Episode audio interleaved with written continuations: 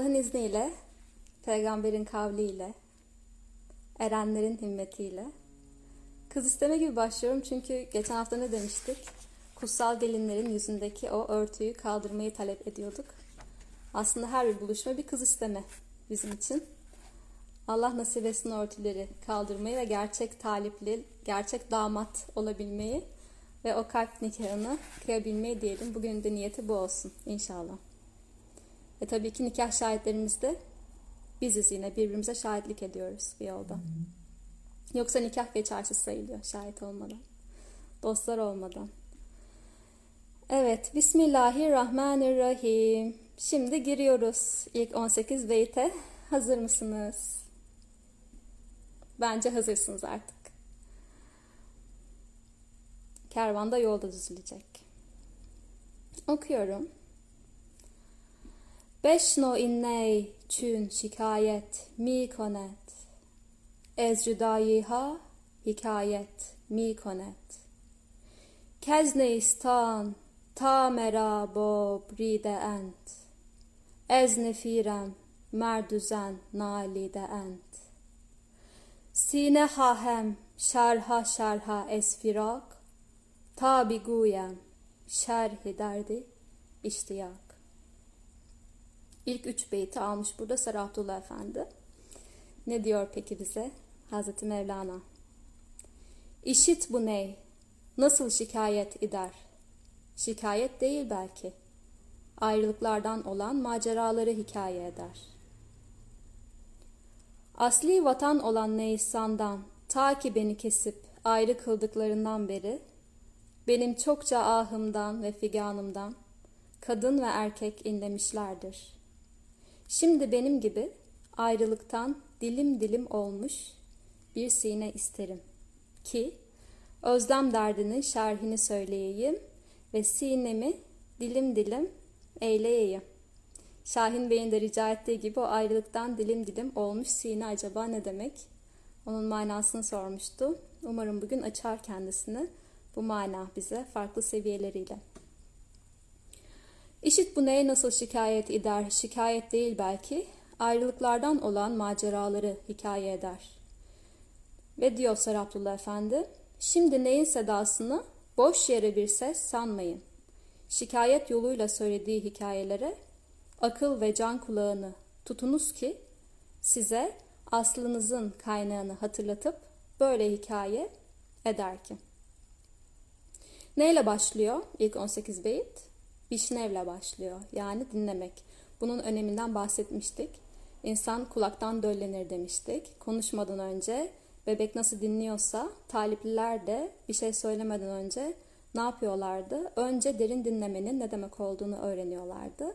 Hem kendi iç alemlerini dinlemeye, hem dış alemi, kainatı dinlemeye, hem de muhataplarını edebiyle ve uygun bir şekilde dinlemeyi öğreniyorlardı. Burada da gönülden konuşmaktan bahsetmiştik şahitliğin ne kadar kıymetli olduğundan bahsetmiştik. O halde ilk adımımız işitmek. Yani bu vücudumuzu ve e, duyularımızı tamamen açabilmek. Bu anın içinde her ne yükseliyorsa, her ne okunuyorsa ve okutuluyorsa ona kulak vermek. Tabii kulak vermek için de bu kulakları temizlemek gerekiyor. Kulak yıkatmak gerekiyor.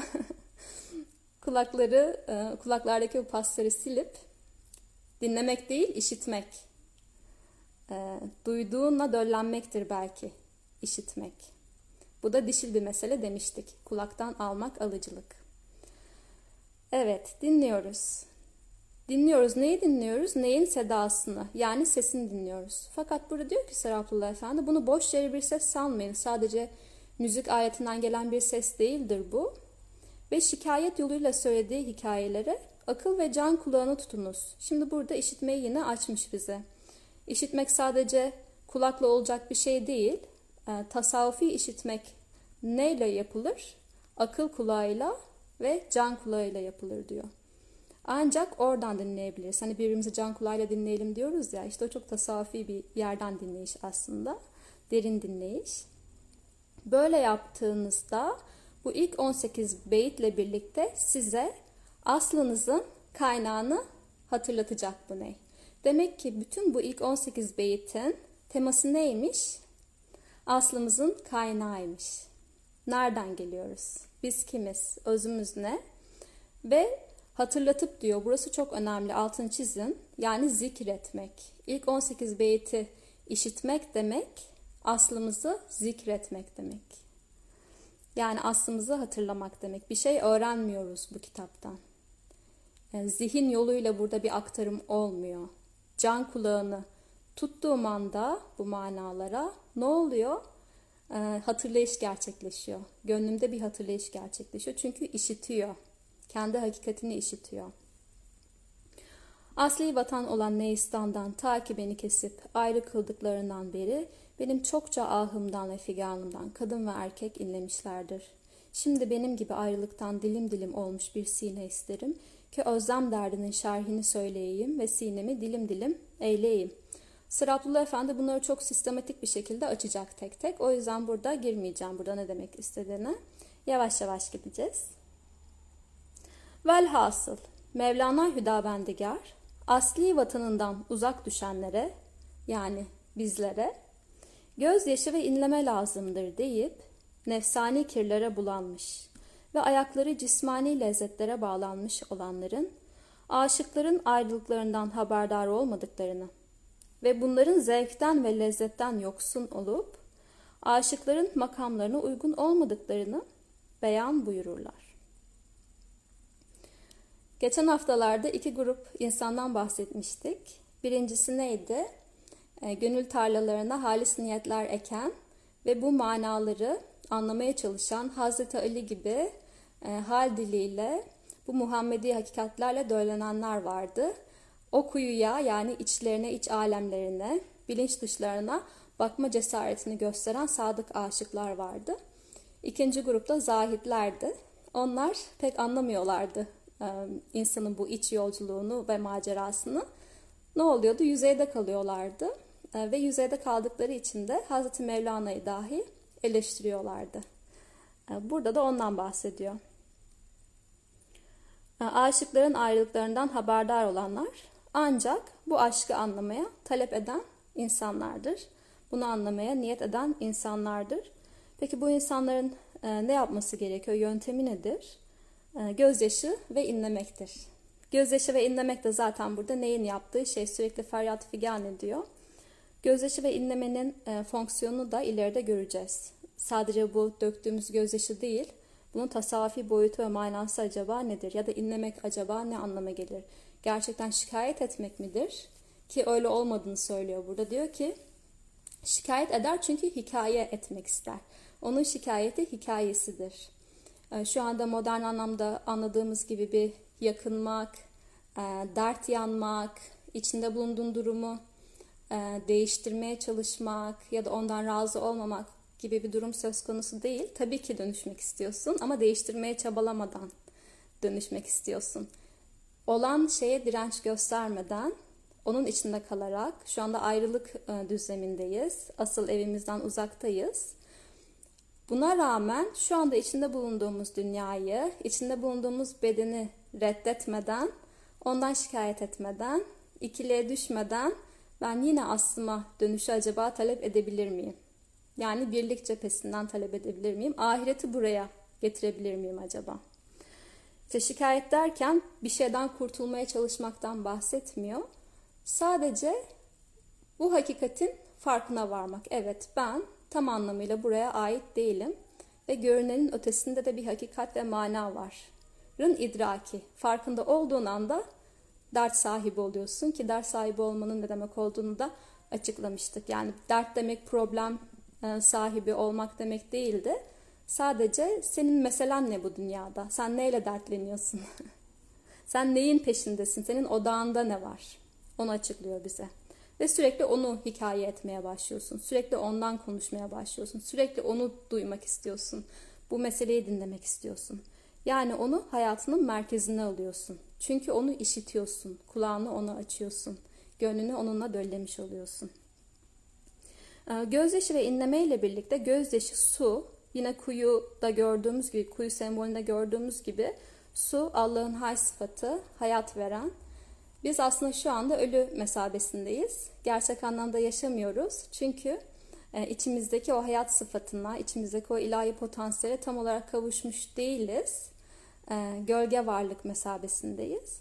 O yüzden aslında gerçek yaşama, kavuşmak ve gerçekten canlı olmak, canlanmak için öncelikle bu gözyaşıyla, Allah'ın hay sıfatıyla yani suyla kendimizi, bedenimizi, zihnimizi, ruhumuzu e, temizlemek, arındırmak, sahte putlardan, sahte zanlardan, hatta varlık e, zanından bile yani benim müstakil bir varlığa sahip olduğum düşüncesinden özellikle e, arındırmak bu gözyaşıyla.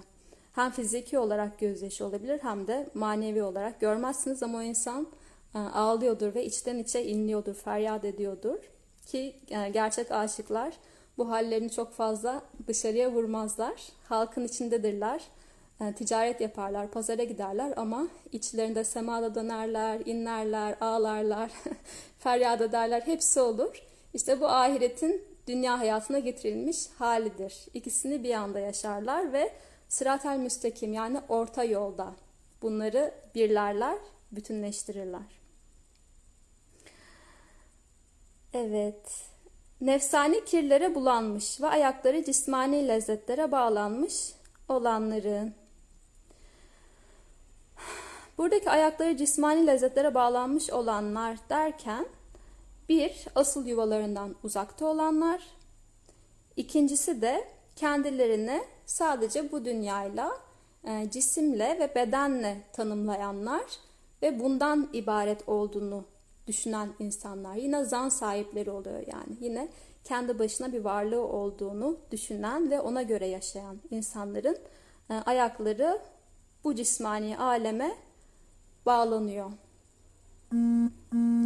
Ve aynı zamanda şunu da gösteriyor. Biz ruhlar alemindeydik. E, ruhlar aleminden sonra az sonra bunu anlatacağım varlık felsefesinde. E, aşama aşama ne oldu? Dört unsura bağlandık. Dört unsura bağlandığımız için de beden elbisesini giydik. E, ruhumuz latifken kesif hale, yoğun ve karanlık hale geldik. Bu karanlık, bu perdelenmişlik ne yaptı? Bizi unutuşa sürükledi.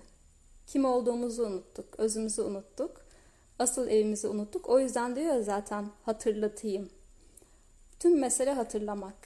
Kim olduğunu hatırlamak. Hatırlayış içinde bu cismani lezzetlerden bağlarımı teker teker birer birer çözmem gerekiyor. Bazı nüshada bişnev ezney şeklinde geçer. Yani neyden dinleyin şeklinde geçer.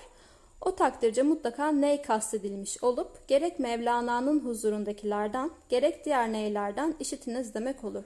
Burada Sarı Abdullah Efendi gördüğünüz gibi artık e, açıklamaya başladı, şerh etmeye başladı. İlk kelimelerden başlıyor. Diyor ki bazı Mesnevi nüshalarında çünkü birçok nüsha var Mesnevi'nin. E, Bişnev ezney şeklinde yazarlar. Bu da neyden dinleyin anlamına gelir. O halde bu şekli, bunu nasıl anlayabiliriz bu nüshayı?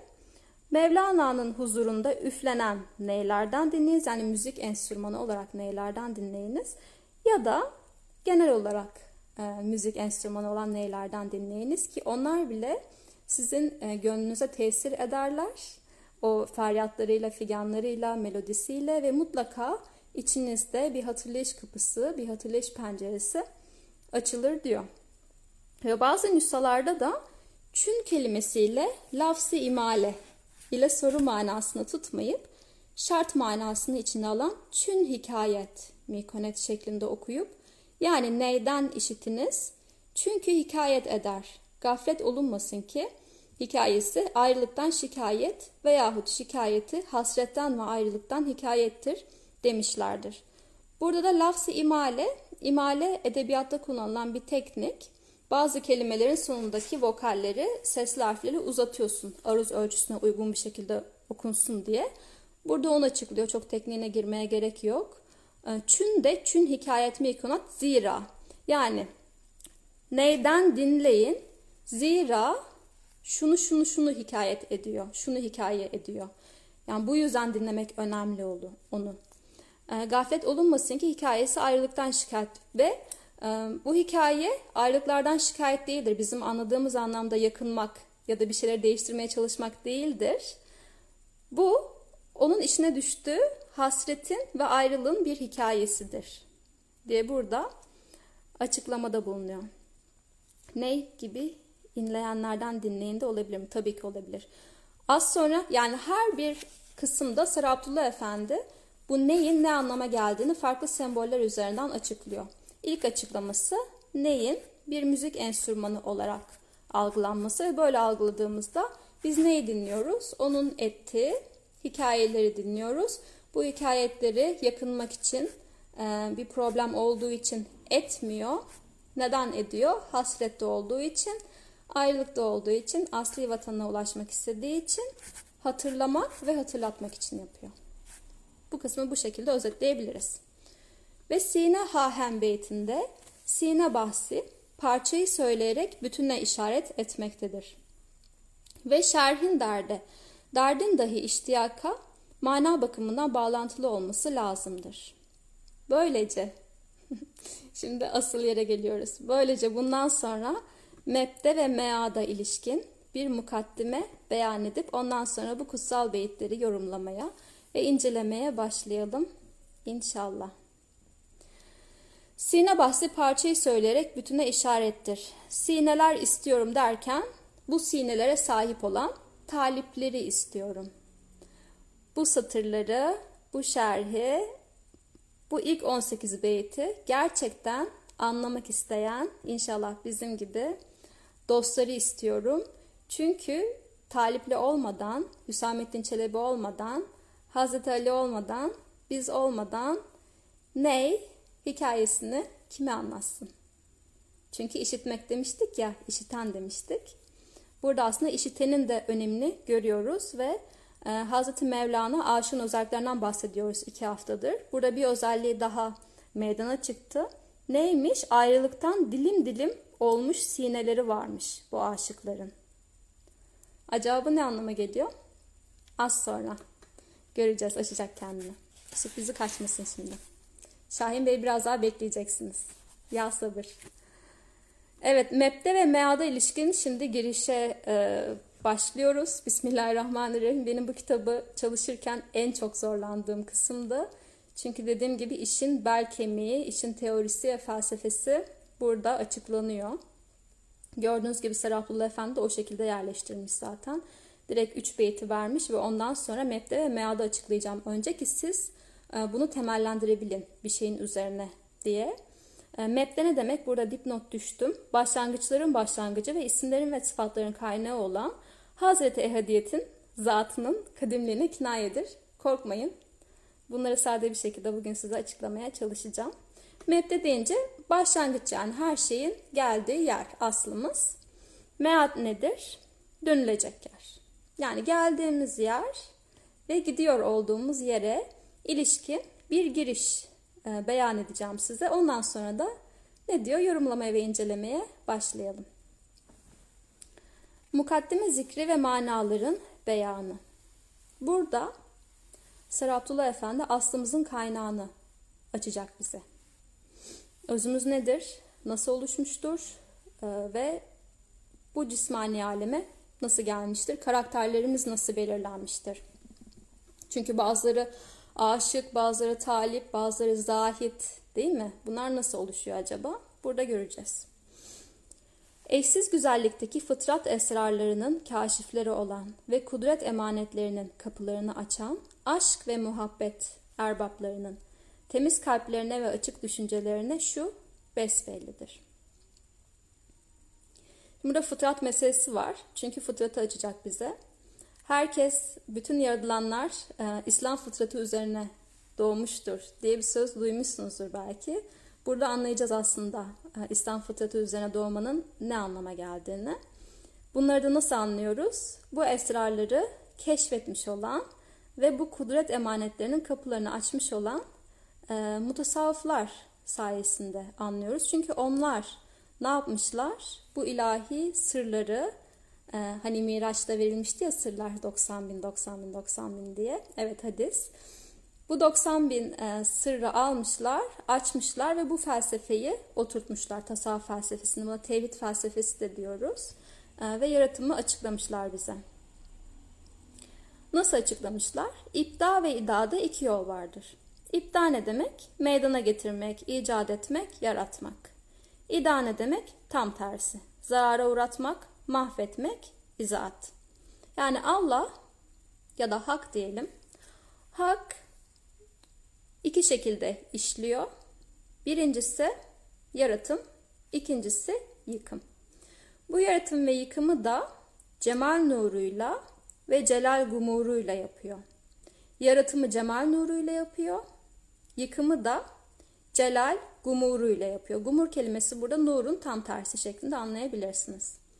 Yani Hak Sübhanehu ve Teala nur ve cemal yönüyle yaratıp icat, ihya, ihya hay hayattan geliyor, hayat veriyor ve ishar ederek yani zuhur açarak mahlukat ve mevcudatı soyları ve duyu kuvvetlerini açığa çıkartıyor ve dünya meydana geliyor. Tabi bu böyle bir anda olmuyor. Daha önce de söylemiştim çizgisel düşünmeyelim. Çizgisel tarih anlayışını o kodları birazcık böyle geride bırakarak daha döngüsel bir yerden işte her an bir şendedir e, sözünce, ayetince bunun her an gerçekleştiğini düşünelim ve o şekilde anlamaya çalışalım.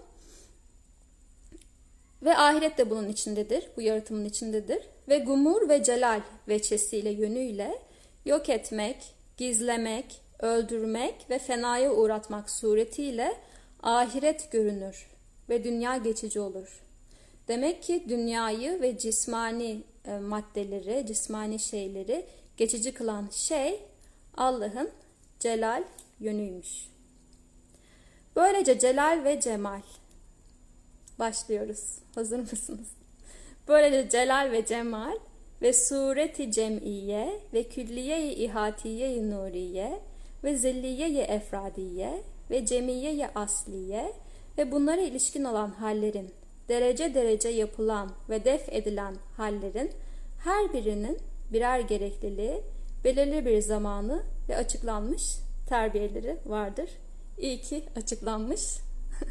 Umarım bize de anlamak düşer bu anlatılan şeyleri. Olabildiğince açık bir haritalandırma yapmaya çalıştım notlarımda. Oradan size açıklayacağım.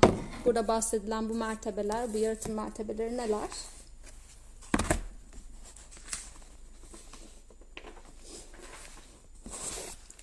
Evet.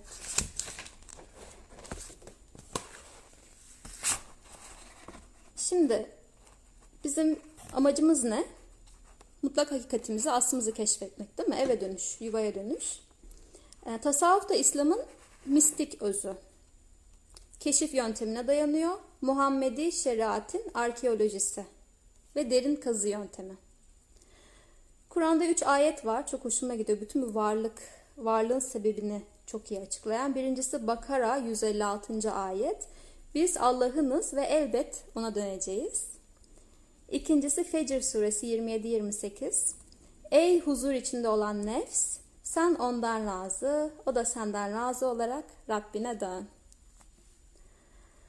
Üçüncüsü de Yunus 25. ayet. Allah selamet evine çağırır.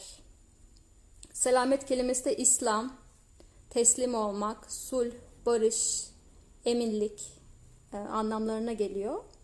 E, bu da çok hoşuma gidiyor. Allah selamet evine çağırır. Demek ki evet evimize çağrılıyoruz. E, gerçek evimiz, gerçek yuvamız neymiş? Selametmiş. Selamete ulaşmakmış. Bu bizim amacımız. Peki yöntemimiz ne? İnsanın kendini bilmesi. Nefsini bilen Rabbini bilir diyor. Nefs gördüğünüz gibi yine dişilden başlıyoruz o dişlin boyutlarını keşfederek, onları açarak, onları dönüştürerek, merdiven gibi böyle basamak basamak çıkarak kendimizi, gerçek özümüzü hatırlıyoruz. Keşfediyoruz, duvakları kaldırıyoruz. Bu bir erginlenme yolculuğu. İstikametimiz ne? Çokluktan tekliğe, parçadan bütüne, unutuştan hatırlayışa, kavgadan barışa hem içsel kavga bu hem de dışsal kavga. Kaygıdan eminliğe yine selametin getirdiği anlamla birlikte bağımlılıktan da bağlılığa. Buradaki bağımlılık az önce bahsedilen şey dört unsura bağımlılık, maddeye bağımlılık, zanlarımıza bağımlılık, kendi e, gerçeklerimize, gerçek olduğunu düşündüğümüz şeylere, sıkı sıkı tutunduğumuz şeylere bağımlılık. Oradan nereye geçiyoruz? Bağlılığa yani sadakate, ahde, vefaya. Vefa meselesi çok çok önemli. Çünkü e, Bezmi Eles'te o ruhlar meclisinde ne olmuştu? E, hak sordu ben sizin Rabbiniz değil miyim diye. Ruhlar da belli diye cevap verdiler. Evet Rabbimizsin. İşte o verdiğimiz söze, o nikaha aslında vefa göstermek demek. Burada onu hatırlamak ve ona uygun yaşamak. Ve o söze, o sözü bedenlemek burada, buraya getirmek. Ee, tasavvufta dört uygulama düzeyi var. Bunları gerçekleştirebilmek için. Şeriat, tarikat, hakikat ve marifet. İbn Arabi bunu çok güzel özetlemiş. Şöyle demiş. Şeriatte seninki ve benimki vardır. Burada bireysel mülkiyetler ve haklar belli kurallarla korunur. Yani bizim şu anda yaşadığımız gündelik hayatımız, e, toplumsal ilişkilerimiz, adalet olgusu şeriat düzlemidir. Pratiklerin yapıldığı yerdir. Bedenin eğitildiği yerdir, nefsin eğitildiği yerdir. İkinci düzen tarikat. Tarik yol demek. Burada benimki senin, seninki benim denir. Yani kardeşliğe ve topluluğa vurgu vardır. Artık bireysellikten topluluğa ve bize geçiş vardır. Benden bize geçiş vardır. Üçüncü seviyede hakikattir. Burada seninki de benimki de yoktur. Yani aslında her şey bize verilmiş bir emanet. Her şey bir gölge varlık, tek varlık, hakkın varlığı. Bu hakikati hatırlamaya başlıyorsun. Ve son derecede marifet, irfan, arifler hepsi aynı kökten geliyor. Burada da diyorlar ki artık sen de yoksun, ben de yokum. Her şey ondan ibaret. İşte bu da bir taliplinin geçtiği seviyeler. Dört seviye şeriat, tarikat, hakikat, marifet. Tasavvuftaki varlık anlayışını açalım bunlara göre. Ee, tasavvuftaki varlık anlayışı mutlak tevhid üzerine kuruldur. Mutlak birlik yani tek var olan şey hakkın varlığıdır. Diğer her şey o varlığın mertebe mertebe açılmış formlarıdır. Problemimiz nereden geliyor bizim? Ben varım dediğimizde geliyor. Şimdi tasavvufta varlık anlayışı geçiyoruz. Şöyle bir 10 saniye zihnimizi hazırlayalım bu kısmı almaya. Çünkü gerçekten çok çok önemli. Eğer bu kısmı anlayabilirsek hakkıyla bütün tasavvuf metinlerini ne kadar zor gelirse gelsin içselleştirebiliriz. Şiir olsun, mesele olsun, hikayeler olsun hepsi bu yedi varlık mertebesi üzerine kuruludur.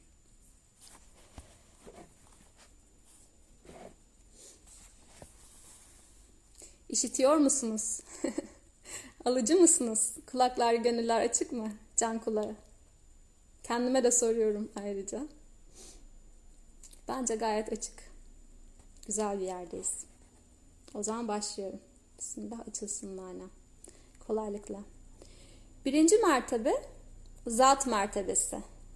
Zat mertebesi. Almayı seçiyoruz, vermeyi seçiyoruz, hatırlamayı seçiyoruz. Bu zat mertebesine la taayyün de deniyor. Taayyün beliriş demek. La da negatif. Yani henüz burada beliriş, henüz burada açılım yok. Burası hani ben gizli bir hazineydim, bilinmeyi sevdim, o yüzden varlıkları yarattım diyor ya hak. İşte oradaki gizli hazine burası. Gizli henüz. Açılmamış. Bütün isim ve sıfatları kendisinde potansiyel olarak mevcut. Yani kendisinden kendisine söyleşiyor. Kendisinden kendisini seviyor. Buraya ahadiyet mertebesi de deniyor, mutlak gayb da deniyor, ama alemi de deniyor. Burada sadece hakkın zatından söz ediliyor. İsim ve sıfatlarından söz edemiyoruz. Ve Allah burada vardı ve onunla birlikte hiçbir şey yoktu denilen bir mertebe burası. Her şeyin, bütün yaratılışın tohumu, çekirdeği, yumurtası ve buradaki Allah'ın ismi Allah bile diyemiyoruz çünkü o ikinci mertebede gelecek. Buradaki hakkın aldığı isim Hu. Hu diyorlar ya dervişler birbirlerine. İşte bu zat mertebesine gönderme yapıyorlar. Aslında her şey Allah'ın zatından ibaret. Ben şimdi sana selam veriyorum ama senin şahsında Hakk'ın zatını selamlıyorum. Demek aslında bu. Hu. Hu'nun içinde Allah'ın bütün isim ve sıfatları içkindir.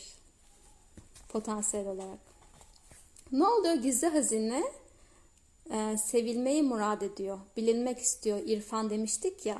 İrfan sahibi olan yaratılışı istiyor ki onun aynasında kendi güzelliğini temaşa etsin. Kendi güzelliğine şahitlik etsin. Bu yüzden ne oluyor? Bu istekle, bu arzuyla Hani demiştik ya istek ve arzu olunca beşte geliyor ve o beşle insanın gönlü kabarıyor, coşuyor ve sema etmeye başlıyor ya da duymaya, işitmeye başlıyor diye. Çünkü muhatap buluyorsun kendini. Alem muhatabın oluyor çünkü ondan okuyorsun, ondan duymaya başlıyorsun. Burada da aynı şekilde gizli hazine bir muhatap istiyor. Bir alan istiyor kendine. Dişiliğine. Alan neydi? Dişildi değil mi? Her şeyin üzerinde sahnelendi ay gibiydi. Bir şeyler onun üzerinde görünür oluyordu. Gizli hazine de görünür olmak için bu sevgiyle, bu istekle taşmaya başlıyor. Ve ilk taşmanın ismi ikinci mertebe vahidiyet mertebesi ya da ilk tayin, ilk beliriş mertebesi. Burada hangi ismi alıyor? Hakkın zatı bilen var mı? Hu'dan nereye geçiyor?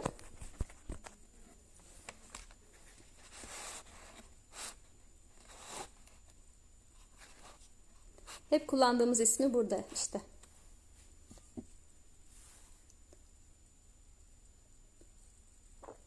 Evet, Allah. Burada artık Allah ismi görünür oluyor. Hu'dan Allah'a geçiyor. Buraya uluhiyet mertebesi de deniyor. Haktaki isim ve sıfatların toplu bilgileri var burada.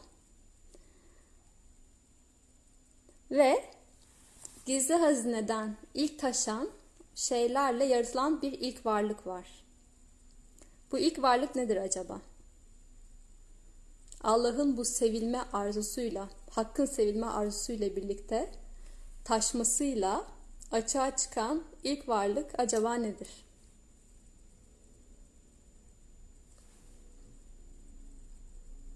Açığa çıkan ilk şey ve bütün varlıkların da ondan açığa çıktığı şey. Prima materia. Evet, Muhammedi hakikat. Muhammedi nur deniyor, Muhammedi hakikat deniyor, kalem deniyor, ilk akıl deniyor. Birçok ismi var.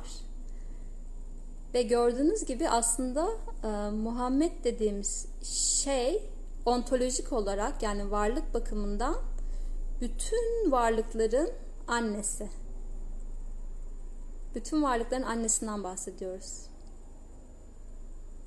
Bu Muhammedi nur ve Muhammedi hakikat. Ve ne, ne şekilde yaratılıyor? Aşktan dolayı yaratılıyor. Yani Muhammedi aşk da diyebiliriz buna. Aşkın ilk meyvesi. Burada e, maşuk ve aşık bir. Yani hakla Muhammed birler. Birbirinden ayrı hmm. değiller. Çünkü hmm. zaten her şey o gizli hazineden e, geliyor. Onun açılımı. E, zaten ondan taşanlardan açığa çıkan bir varlıktan söz ettiğimize göre o yüzden Muhammedi nurun ve hakikatin ondan ayrı olduğunu söylememiz mantığa da ters düşüyor. Hakikate de ters düşüyor. O yüzden burada e, ayıramıyoruz hiçbir şekilde ikisinin varlığını. Külli ruh da deniyor. Bütün ruhların toplamı aslında bu Muhammedi e, nur ve hakikat. Bu mertebede varlık henüz kendisinden ne yapılacağı belli olmayan bir hamur gibidir. Bundan sonra Allah'ın ilmindeki kayıtlara göre ki bu Allah'ın ilmindeki kayıtları ayağını sabite deniyor. Bunlara göre ne olacak? Bu hamurdan küçük parçalar ayrılacak Ve bazılarından belki poğaça yapılacak, bazılarından kurabiye yapılacak, bazıları bir araya gelecek, kek olacak, tatlı olacak, tuzlu olacak, ekşi olacak. Fakat bunların ne olacağının hepsi aslında Allah'ın elinde kayıtlı. Ve buna ayağını sabite diyoruz. Bu kısım ilk tayin, ilk beliriş mertebesi e, Muhammedi hakikatin, ilk varlığın, ilk kalemin, külli ruhun açığa çıktığı yer. Sonra ne oluyor? Tayin-i saniye ikinci beliriş geliyor. Burası da ilk belirişin birazcık daha açılmış ve detaylanmış hali. Burada Allah'ın ilmi toplu değil, ayrıntılı olarak taşıyor. Kişinin eyleme dökmek istediği şeylerin zihninde e, potansiyel olarak var olması şeklinde burayı açıklayabiliriz. Yani zihindeki o tasarılar oluşuyor burada. Sonraki mertebe biraz daha indik. Bunu böyle varlık dairesi olarak algılarsak eğer ilk zattı. Nokta zaten her şeyin noktadan e, oluşuyor ya ve noktadan gelip yine noktaya kavuşuyoruz ki ilim bir noktaydı cahiller çoğalttı deniyor. Onun da manası bu aslında çoğalan bir şey yok. Sadece onun açılımları var. Fakat açılan her şey Allah'ın zatı, hakkın zatı. Evet ne oldu? Dördüncü mertebeye geldik. Burada işte bezmeles diyoruz. Ruhlar alemi ya da melekler alemi, melekut alemi. İlmi suretler yani bu zihindeki tasarılar biraz daha yoğunlaşarak basit cevherler haline alıyorlar ve ruh ismi veriliyor bu basit cevherlere. Gördüğünüz gibi zat mertebesi çok latifti. Hiçbir şekilde algılanamıyor. İsim ve sıfatlarını bile algılayamıyorsun. Gittikçe ne oluyor? Kalıba girmeye başlıyor bir şeyler. Yoğunlaşmaya başlıyor. Burada da ruh şeklinde hala çok latif, hala çok böyle algılanamayacak bir boyut ama üçüncü boyuta göre yani ondan önceki boyuta göre birazcık daha somut ve yoğun. Burası ruhlar alemi. Allah'ın subuti sıfatları burada açığa çıkıyor. Yedi esmadan bahsedilir ya da bunu sekiz olarak da açıklarlar. Az sonra oraya geleceğiz. O sıfatların açığa çıktığı yer ruhlar alemi. Her bir esma ve sıfat meleki kuvvetlerle açılıyor. İçimizdeki melekeler var ya hani e, al yuvarlar ve ak yuvarlar aslında bizim melekelerimiz, meleklerimiz e, der Osman Kemali Baba İrfan sızıntılarında. Bu melek bahsini çok güzel açıklar. Bakmanızı öneririm. İşte o kuvvetlerin artık aktive olduğu kısım burası. Sonraki alem misal alemi. Yani bir şeylerin örneklerinin artık açığa biraz daha yoğun ve biraz daha e, anlaşılabilir şekilde açığa çıktığı yer. Ama henüz cisim şeklinde değil. Ne oluyor? Ruhlar alemindeki ruhlar ile görünen alemdeki varlıkları birleşik halde burada. Henüz ayrı değiller. Yani kopyaları ve asılları birleşik halde. Dünyaya gelecek varlıklar burada ortaya çıkıyorlar. Geçit alemi, berzah gibi düşünün ya da doğum kanalı gibi düşünün. Burası doğum kanalı. Rüyalar buradan geliyor. Hayaller de buradan geliyor. Çünkü rüyaya yattığınızda çok gerçek ve oraya gidiyorsunuz, yaşıyorsunuz, hissediyorsunuz beden olarak da.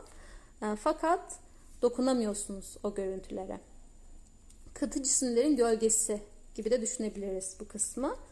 Hem letafet var hem de cisimlik var. Latif cisimler boyutu. Bunlar bölünemiyorlar ve parçalanamıyorlar. Çünkü tam cisim haline gelmiş değiller. Burası 5. mertebe misal alemiydi. 6. mertebe cisim alemi artık tuttuğumuz böyle bardak gibi e, cisimleşmiş alemlerin görüldüğü, duyulduğu, parçalandığı ya da bir araya getirildiği şehadet mertebesi şahitlik ediyorsun. Yani bu dört duyun, beş duyunla görebiliyorsun. Varlıklar yoğun ve kesif şekilde ortaya çıkıyorlar. Ruhun fiziki varlık kazanmak için ilişeceği varlıklar ve bedenler belli. Allah'ın artık isim ve sıfatları ne oluyor? Sadece ruh mertebesinden açılmıyor. Bedenler üzerinden de kendini göstermeye ve sergilemeye başlıyor. Tabii ki bizim izin verdiğimiz e, boyutta. Ve son mertebe. Nedir acaba son mertebe bilen var mı?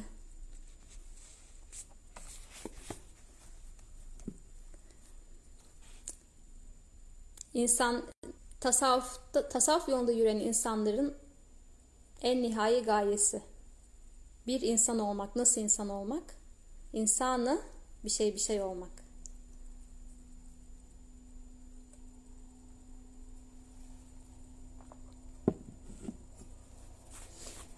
İnsan olmak. Burası insan mertebesi. Mertebe camia deniyor. Cem. Yani her şeyin bütün isim ve sıfatların bir noktada bir araya geldi. O noktadan geliyorduk ya hani.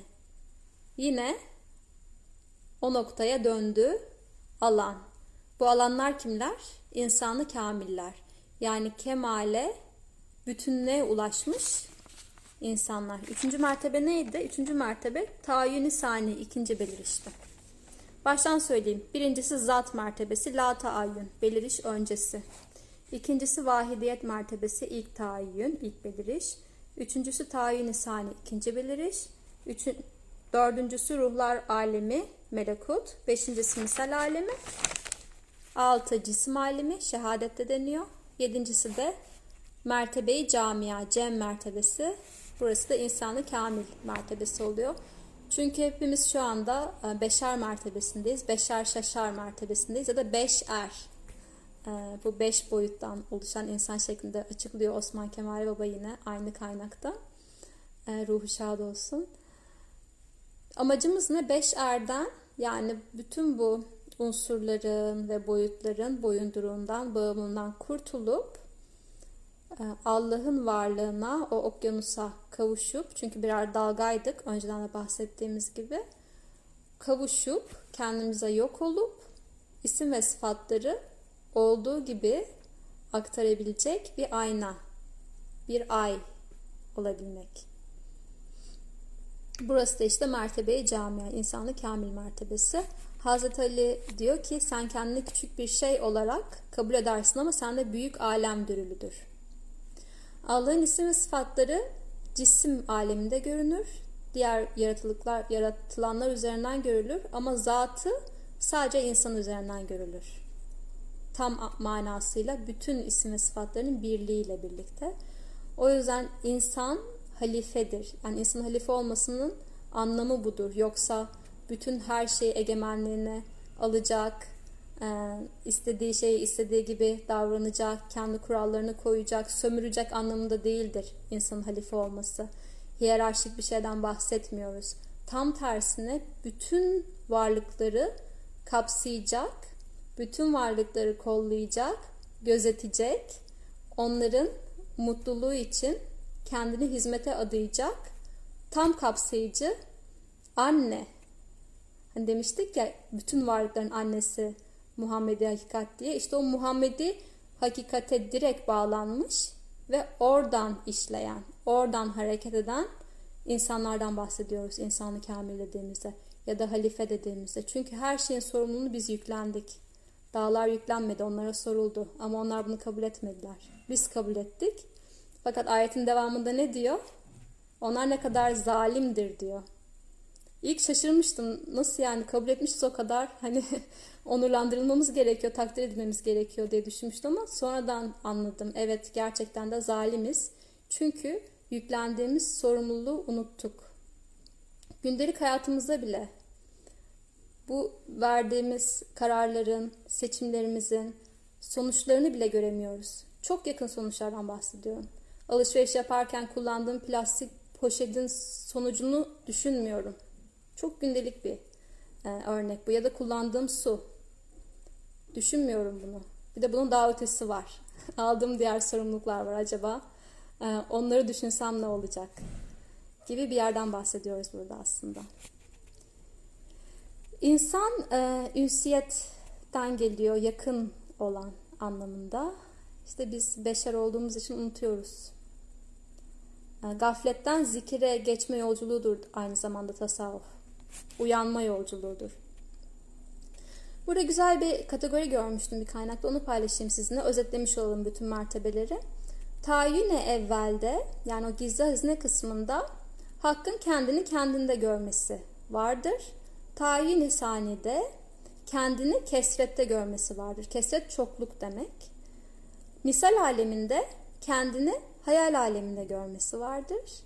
Şehadet aleminde kendini şuhud aleminde görmesi vardır. Kemal, cem aleminde yani son alemde kendini insanda görmesi vardır. Evet. Bence mertebeler için böyle bir giriş yeterli. Umarım açıklanabilmiştir.